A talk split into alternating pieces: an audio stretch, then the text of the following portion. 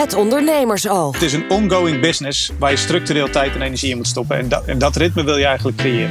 Ga om te beginnen zien dat de kernwaarden meer zijn dan alleen maar die waarden op de muur.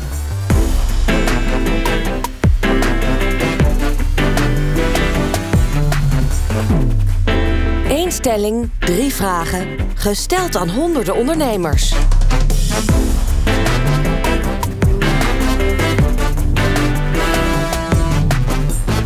Het Ondernemersoog.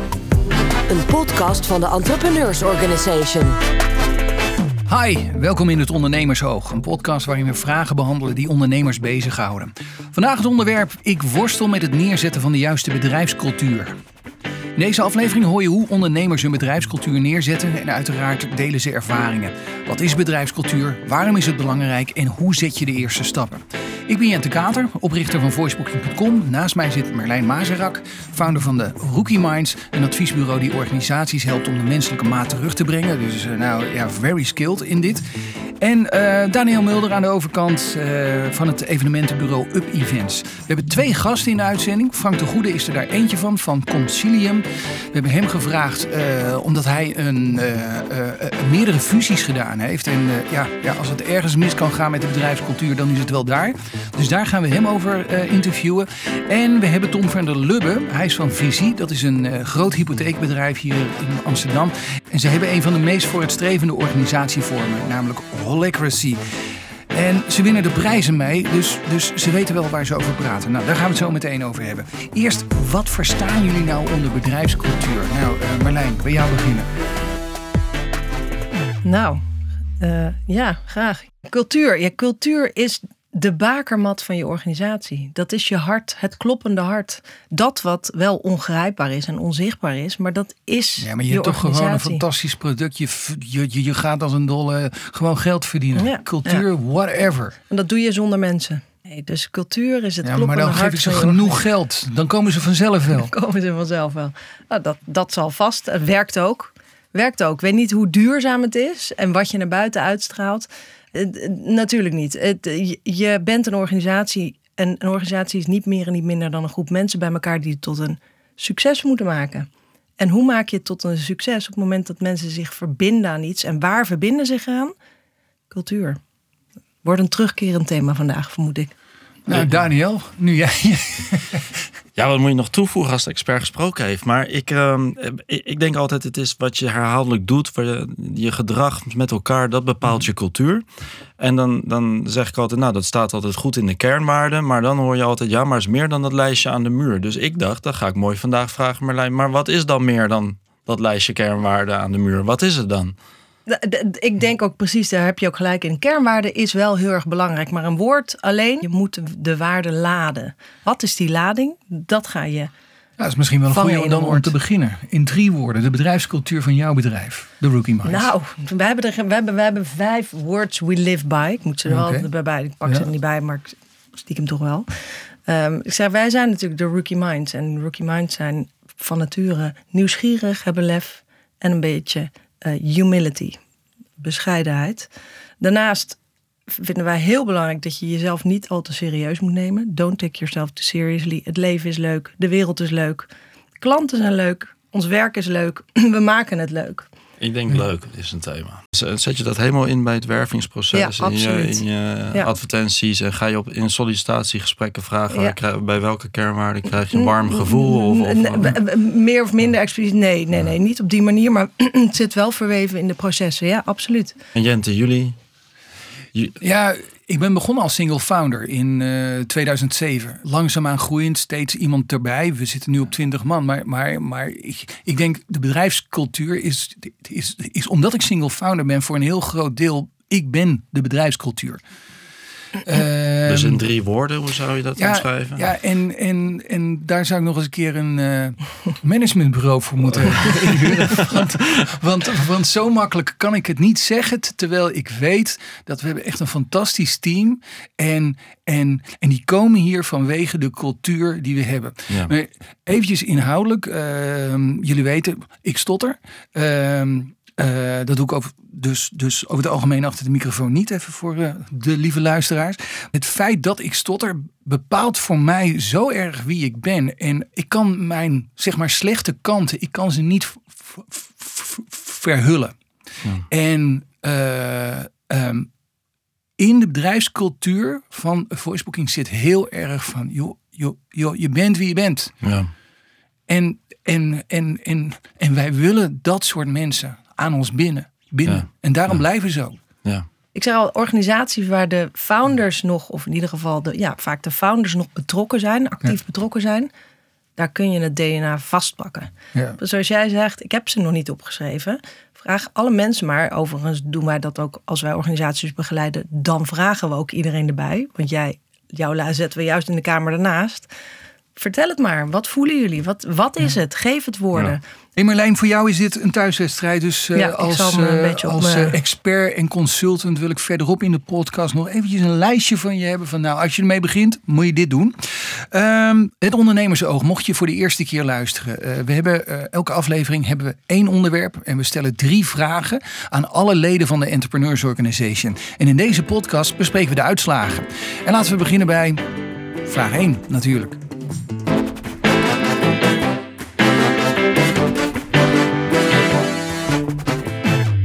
1. En dat is, kunnen jouw medewerkers jullie cultuur gemakkelijk omschrijven? Daniel, bij jou?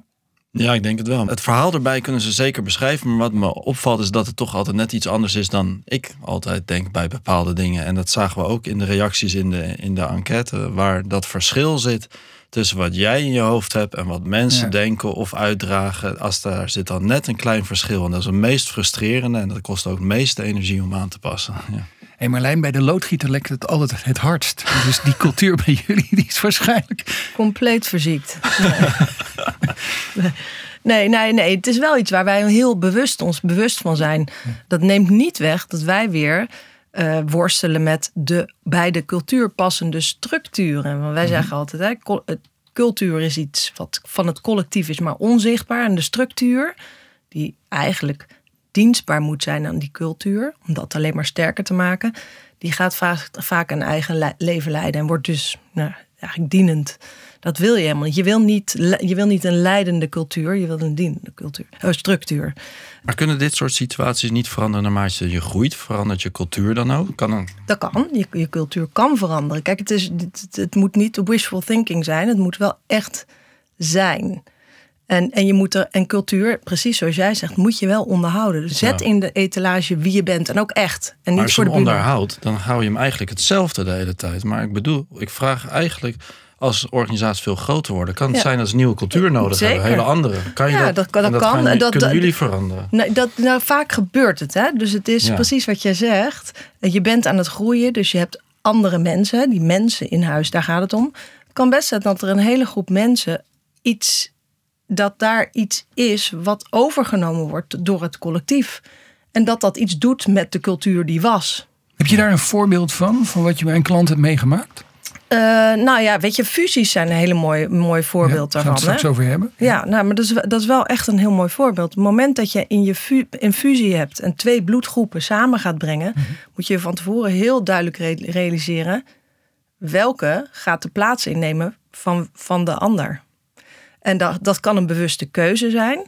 Je kunt het natuurlijk laten ontstaan. Natuurlijk laten ontstaan betekent dat je ook afscheid moet nemen. dus dat er mensen ja. uh, um, hun, hun eigen, dat waar ze zich thuis vertrouwd bij voelden, moeten los gaan laten. En dat vinden mensen heel lastig. Oké, vraag 1 is dus: kunnen jouw medewerkers jullie cultuur gemakkelijk omschrijven? 69% van de ondervraagden heeft ja gezegd en 3% eh, nee. En dan is er best een aardig deel, 28 procent, dat zegt nou niet iedereen kan het onderschrijven. En uh, laten we even luisteren naar een reactie. Hi, mijn naam is eh, DJ van Stierum en ik ben de founder van Tree by Tree. En op de vraag uh, van de IO van kunnen, jullie, kunnen jouw medewerkers jullie cultuur gemakkelijk omschrijven? Toen dacht ik van uh, nee, eigenlijk niet iedereen. Um, dat komt met name omdat we zijn in, uh, denk ik, een half jaar tijd gegroeid van, van twee naar twaalf mensen. Dus dat is een lekkere start-up chaos. Uh, ik denk dat iedereen wel de cultuur voelt, maar hij is nog niet duidelijk genoeg omschreven. En zeker niet als ik aan iemand zou vragen om te omschrijven, zou dat zeker niet lukken. Dus daar zitten we eigenlijk midden in een proces. We zijn ons er wel van bewust. Dus we hebben een, uh, een sessie gehad met We People, om dat een beetje helder te krijgen. En we gaan deze maand dat weer een stap verder brengen, om dat beter te formuleren en te zorgen dat iedereen dat wel kan omschrijven. Ik ben benieuwd naar iedereen's reacties, met name hoe je zo'n zo'n cultuur ook echt uh, incorporeert in je, in je bedrijf. Dus daar zie ik naar uit. Oké, goed. Een gevalletje higher fast. Uh, ik weet niet of het ook veel fast is, maar, maar wat adviseer jij zulke mensen? Uh, wat hij eigenlijk zegt, gas erop. Ze zijn gewoon heel hard met de operatie bezig. En eh, business even, even voor alles. Mhm. En ja, dat cultuur, dat is luxe. Even, even ja. plat vertaald. Dat is een hele logische is start. Marlijn, zelfs als je dit opschrijft of helemaal uitwerkt met een bureau. Ik heb hetzelfde meegemaakt. Ik ging in anderhalf jaar van 0 naar 20 ja. mensen. Elke drie maanden kom je weer binnen en dan denk je... Hey, leuk, nieuwe ploeg. En hey, nieuwe cultuur. Mensen gingen zich heel anders gedragen. Deden hele andere dingen. Dus ik ik, ik denk, joepie, nieuwe cultuur. En uh, nou, benieuwd wat het volgende kwartaal is. Precies wat je zegt. Het zit hem niet in het opschrijven, Daniel. Het zit hem juist in het leven.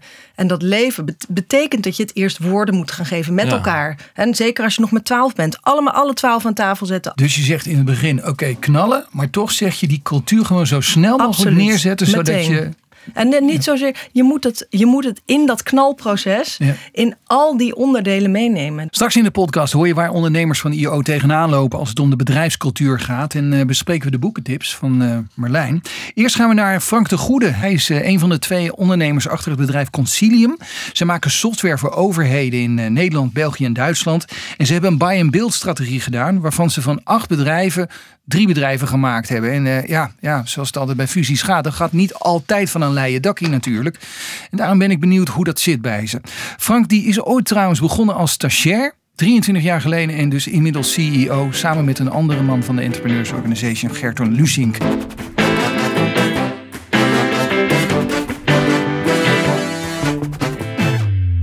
Ja, Frank, fuseren.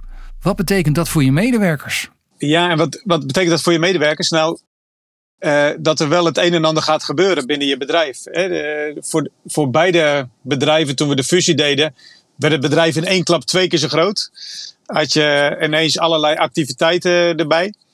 Uh, en inderdaad, dus ook automatisch wel ja, ander gedrag, andere cultuur, andere manier van werken, uh, andere historie.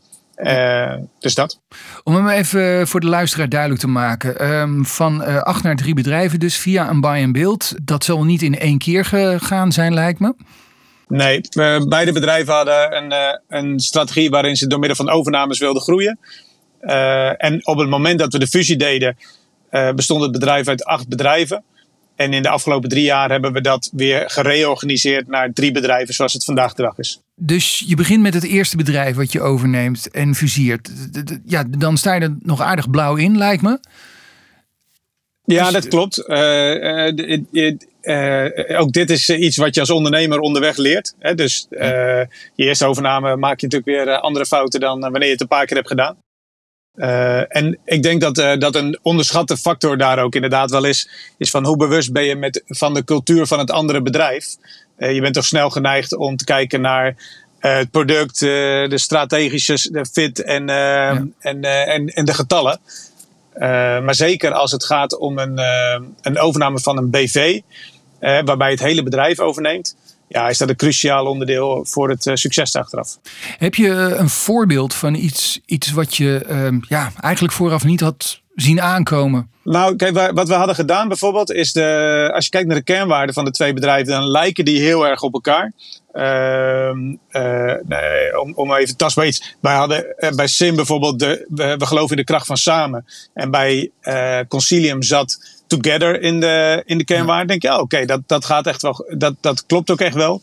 Alleen in de manier waarop we daar uiting aan gaven, hoe dat was verwerkt in, uh, in processen, dat zijn dingen die ja, in, in de twee bedrijven natuurlijk ergens wel weer anders verlopen. En ja, als dat bij elkaar komt, is het wel zoeken van ja, hoe gaan we daarmee om? Hey, en, en, en zo heb je een groep medewerkers die uh, um, uit je eigen bedrijf komt en, en die uit het gefuseerde bedrijf komt. Uh, als je nou terugkijkt, uh, heb je veel gesprekken met medewerkers moeten praten die wilden gaan lopen of, of, of we hebben bedrijven ertussen zitten die al tientallen jaren oud zijn. Dus die, als je daar tegen gaat zeggen, ja, je moet het ineens anders doen dan dat je de afgelopen jaren hebt gedaan.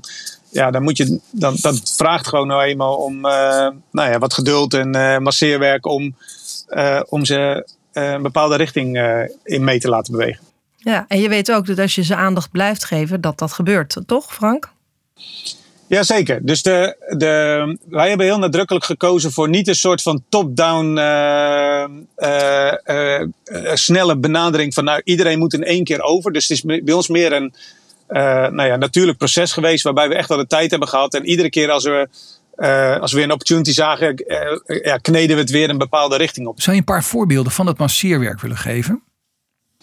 Nou, kijk, wat een mooi voorbeeld is, is dat wij, uh, een van de voordelen van verschillende groepen, uh, verschillende bedrijven in je groep hebben, is dat je uh, elkaar kan helpen en versterken. Bleef, bleef het lastig, want iedereen had toch echt zijn focus op zijn eigen business. Totdat er in de markt ineens een situatie kwam waarin de samenwerking heel logisch was. Ja, en toen, hebben we, toen zag je dat het pas echt loskwam. En toen hebben we dat natuurlijk ook gefaciliteerd. Dus het is zoeken naar momentum, zeg maar. En als je het momentum herkent, dan ook echt vastpakken en doorpakken toeslaan. Als je nou uh, morgenochtend met cultuur aan de slag gaat in je bedrijf, uh, um, wat kan jij dan meegeven waar je echt aan moet denken? Nou, ik, wat ik denk ik zou aanraden is, uh, mocht je dat nog niet hebben georganiseerd, kijk of dat je een vast ritme of een vast proces of een vaste manier van werken kunt creëren, waardoor je, waarmee je structureel aan dit thema blijft werken.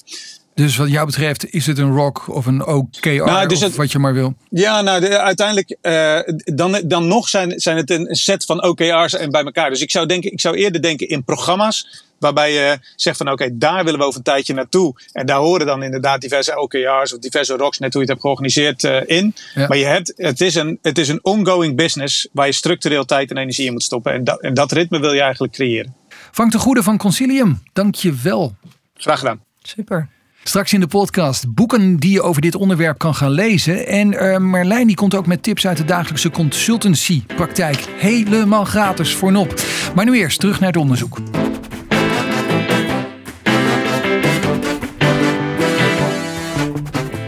Vraag 2. Ja, en vraag 2 is: welke obstakels heb je tot nu toe ervaren bij het implementeren of behouden van de gewenste bedrijfscultuur?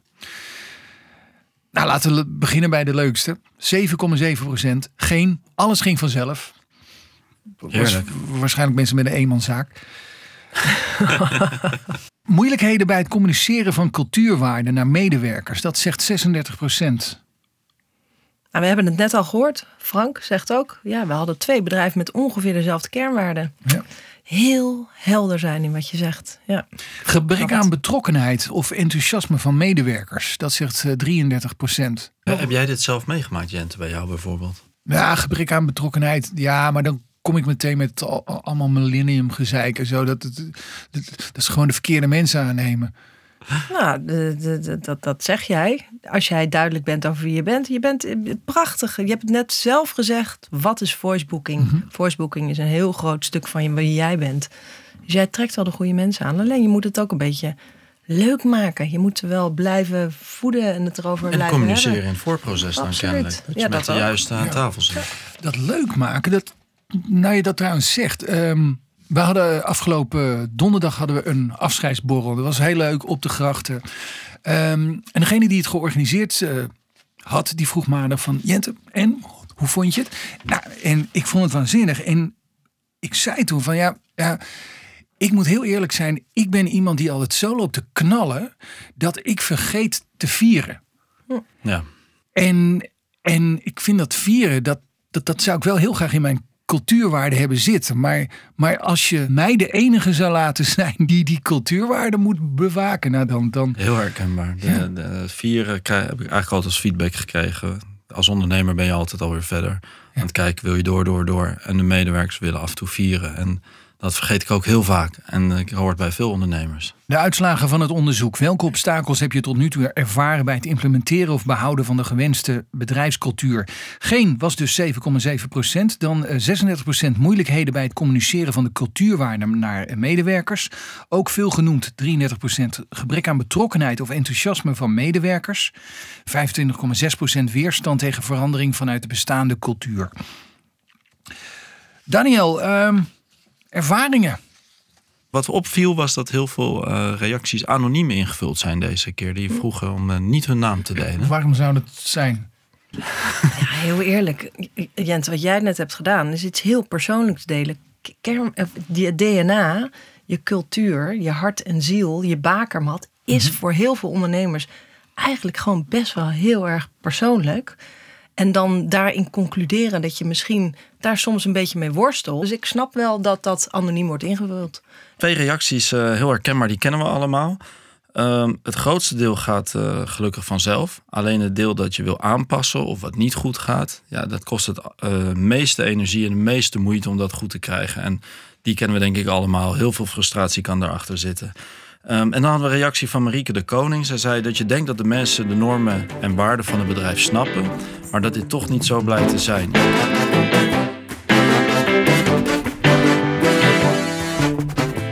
Holacracy.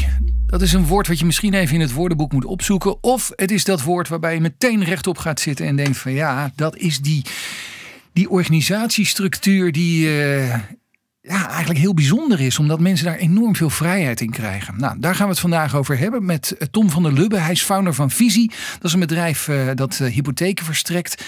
Zij zijn een van de eerste financiële organisaties in de wereld die Holacracy ingevoerd hebben ooit. Uh, ze winnen er zelfs prijzen mee. En uh, een van de weinige organisaties die haar hele organisatiestructuur open heeft staan voor iedereen die daarin geïnteresseerd is. En aan het einde van dit interview deel ik nog even wat met je voor mocht je met Tom in contact willen komen.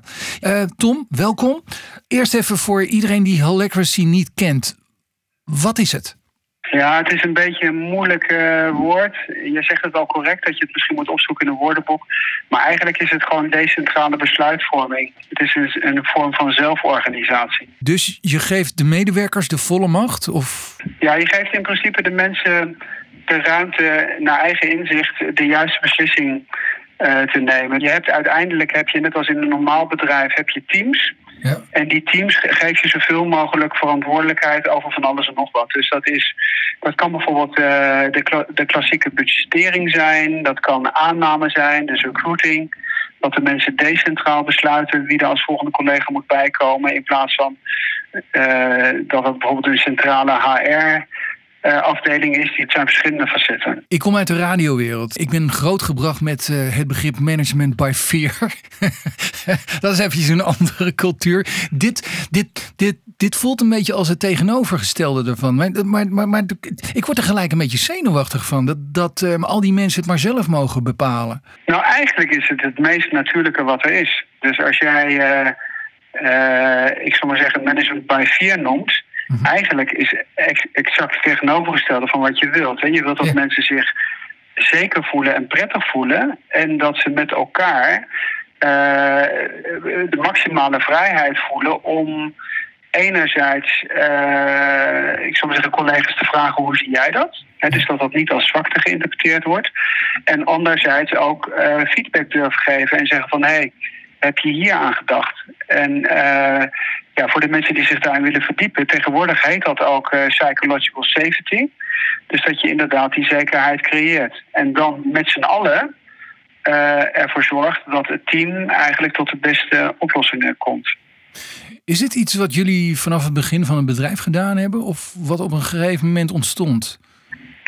Nee, we hebben het niet, niet vanaf de start gedaan, omdat eigenlijk vanaf de start, als je allemaal nog om de keukentafel past, dan uh, gaan heel veel dingen automatisch. Uh, en ik denk dat het bij ons, ik weet niet, een man of twaalf of vijftien of zo waren. Wij zijn vier oprichters. Uh, en we hebben op een gegeven moment gezegd: oké, eigenlijk is voor ons de grootste motivator geweest om überhaupt zelf ondernemer te worden, dat we niet gemicromanaged worden ja. door anderen. Ik denk dat het voor veel ondernemers geldt.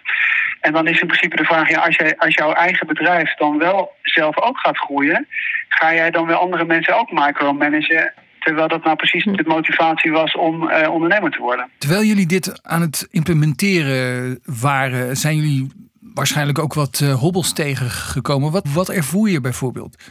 Ja, in het begin is het een beetje ongewennig. Dan heb je in het begin heb je natuurlijk grote voorstanders, die vinden het allemaal hartstikke cool.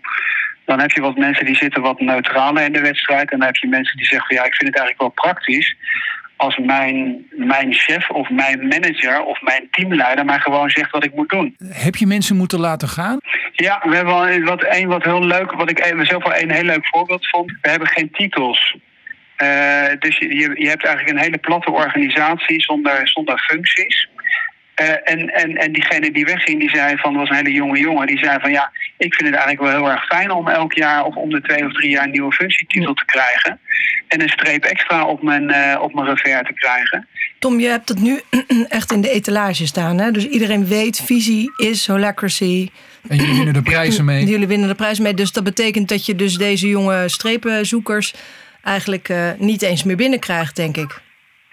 Ja, dat klopt. Het voorbeeld wat ik ook wel eens wel vaak noem is wielrennen. Dus als jij een ploegtijdrit rijdt, dan doe je dat met, uh, met vier mensen. En die, en die moeten heel goed op elkaar ingespeeld zijn. En die, die rijden om en om rijden ze aan kop. En als ze dan dicht bij elkaar blijven en, dat, en ze goed op elkaar ingespeeld zijn, dan winnen ze samen een ploegtijdrit. Ja. Uh, denk je dat jij veel sneller fietst dan iedereen? Uh, en, en, en eigenlijk de hele Tour de France voorop kunt rijden, ja dan, uh, ja, dan moet je waarschijnlijk ergens anders gaan fietsen, zou ik maar zeggen. Maar er, zijn mensen die dat ook inderdaad echt doen. En die wil je toch ook in je organisatie hebben? De mensen die echt outlaaien in hun, hun functie.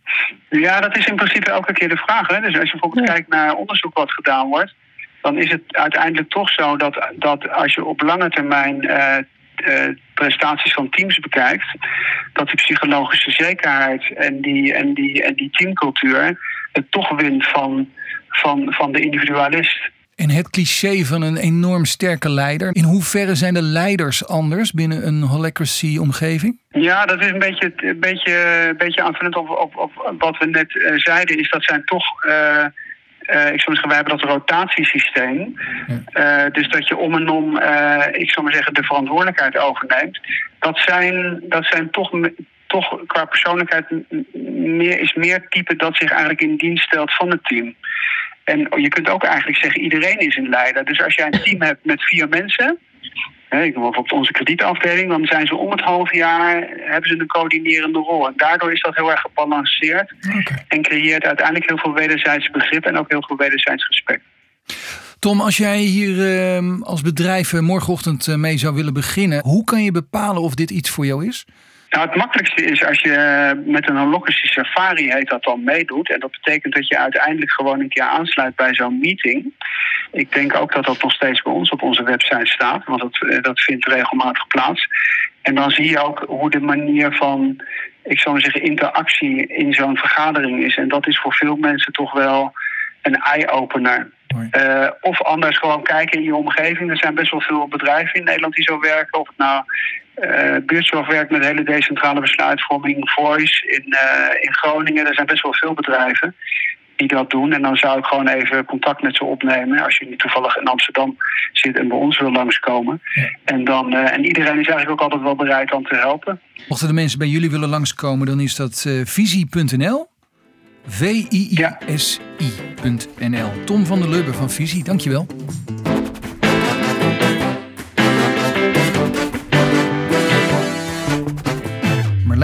Drie dingen die je nou echt moet weten over cultuur. Wat zijn die? Ga, ga om te beginnen zien dat, dat uh, kernwaarden meer zijn dan alleen maar die waarden op de muur, maar dat je dat moet gaan laden met een verhaal, met de achtergrond, met de historie. En dat cultuur meer is dan alleen kernwaarden. Dus ook die, al die andere ontastbare dingen. Ga dat inzien, dat is tip 1. Tweede is zoveel mogelijk van je mensen betrekken bij het laden van die kernwaarden en het verhaal en de cultuur. En ook betrokken houden. En, en dat is eigenlijk dus tip nummer drie. Het is herhalen, herhalen. En natuurlijk, uh, maak het leuk. Met het andere woorden, cultuur is een levend organisme binnen je bedrijf. Ja, en dan boeken. Schakelen we meteen even door. Nou, dan moet ik even naar achteren. Ja, zoals in uh, elke podcast sluiten we af met een aantal boeken die je uh, kunt lezen over dit onderwerp. En ja, Marlijn is een boekenwurm. Ik heb drie vind ik erg leuke boeken die mij in ieder geval ongelooflijk uh, vermaakt hebben, letterlijk en figuurlijk. En waarvan van twee IO'ers, van twee uh, leden van de Entrepreneurs Organization. Eén een van onze Nederlandse chapter en eentje van het Wisconsin chapter. En dat is -hmm. Will Scott. En die heeft het boekje geschreven, The Culture Fix. Moet even kijken hoe. Ja, Oh, Ja, Zo. ja, ja, komt Ja, hij, hier komt hij. die. Ja hoor, The ja, hoor. Culture hij Fix. staat in beeld. Een ontzettend leuk boek. Ehm, en, en hij eh, noemt de, core, de kernwaarden, de core values, eh, eigenlijk een uitingsvorm van je cultuur van een organisatie. En hij heeft een methodiek ontwikkeld waarin je in drie stappen je cultuur kunt verbeteren en je kernwaarden tot leven kunt brengen. En eigenlijk je mensen in je organisaties zogenaamde cultuurtsaren maakt. Dus eigenlijk de voorvechters van je eigen cultuur. Nou, dat waar we vandaag naar zo naar op zoek waren. En hij helpt je dus ook dus op zoek te gaan naar die core values en, en ze te laden. En dat heeft hij, doet hij in een heel mooi stappenplan. Dan krijg je allemaal oefeningen. En hij zegt, weet je, je moet het gaan visualiseren. En je moet er bijvoorbeeld superhelden van maken. Culture Fix. Nou, dan hebben we een ander boek. Want eh, eh, als je cultuur toch niet zo op orde lijkt of niet is zoals je wilt, kan je dan die cultuur veranderen. Daar heeft uh, Maaike Tieke echt een sprekend en bij vlagen zelfs hilarisch boek over geschreven. Waar staat hij in beeld? Ja, cultuurdingetje hè. Hoe je de oude organisatiecultuur uit de vloerbedekking krijgt en de nieuwe erin. Benieuwd hoe ze de titel zouden doen als dit vertaald wordt. Culture thingy. Hoe kom je dus af van je angstcultuur, van een verstikkende familiecultuur of een Poolse landagcultuur? Je moet bereid zijn om die cultuur die er ooit was, wel te erkennen en in de ogen te kijken. Dus als je er vanaf wil, erken dat dit wel de cultuur is. Ga niet zitten zeg maar wegpoetsen. Nee, dit is het, want iets laten gaan, dat kost ook tijd. Dat is afscheid nemen. En dus eigenlijk is het net zo ingewikkeld als een nieuwe cultuur starten, is het afscheid nemen en het proces van het benoemen van die oude cultuur. En dan boek drie. Van onze Nederlandse uh, uh, uh, Entrepreneurs Organization lid Nadia van der Vlies. Coachingbureau heeft zij. Leidt coaches op. No-nonsense leiding geven. Hoe je effectieve coaching leiding geeft. Want ja, als je dan aan de slag gaat met die cultuur. Dan heb jij daar als voortrekker, leider een rol in. Het is een heel praktisch boek waarin ze eigenlijk drie rollen van een voortrekker onderscheidt en uitlegt. En ze zegt: je hebt een leider, je manager en je hebt een coach. En dat zit allemaal in jou verweven.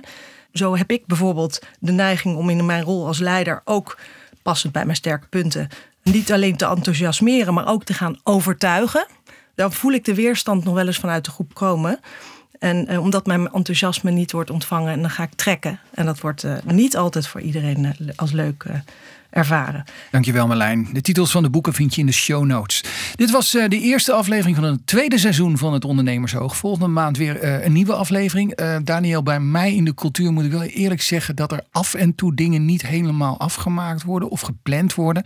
Zo we, ook het onderwerp van de volgende. We hier altijd het onderwerp van de volgende podcast. we hebben niet voorbereid, hè? Nou, we hadden wel een lijstje onderwerpen, maar... Ja, nou, ja, nou ja, we gaan er even over nadenken. Uh, wil je de eerste afleveringen beluisteren? Ze staan allemaal op Apple Podcasts, Spotify en op YouTube. En een speciale dank aan mijn gasten, Tom van der Lubbe en Frank de Goede. Maar vooral alle IO'ers die ook dit keer weer hebben meegedaan met het onderzoek. Marlijn, Daniel, jullie ook bedankt. En ja, bedankt. tot de volgende. Dank. Tot de volgende.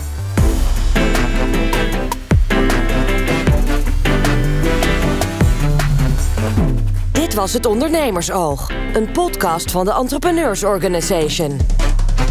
Wil je weten wat wij doen, welke events er zijn en hoe je lid kan worden? Kijk in de show notes of ga naar entrepreneursorganization.nl/slash ondernemersoog.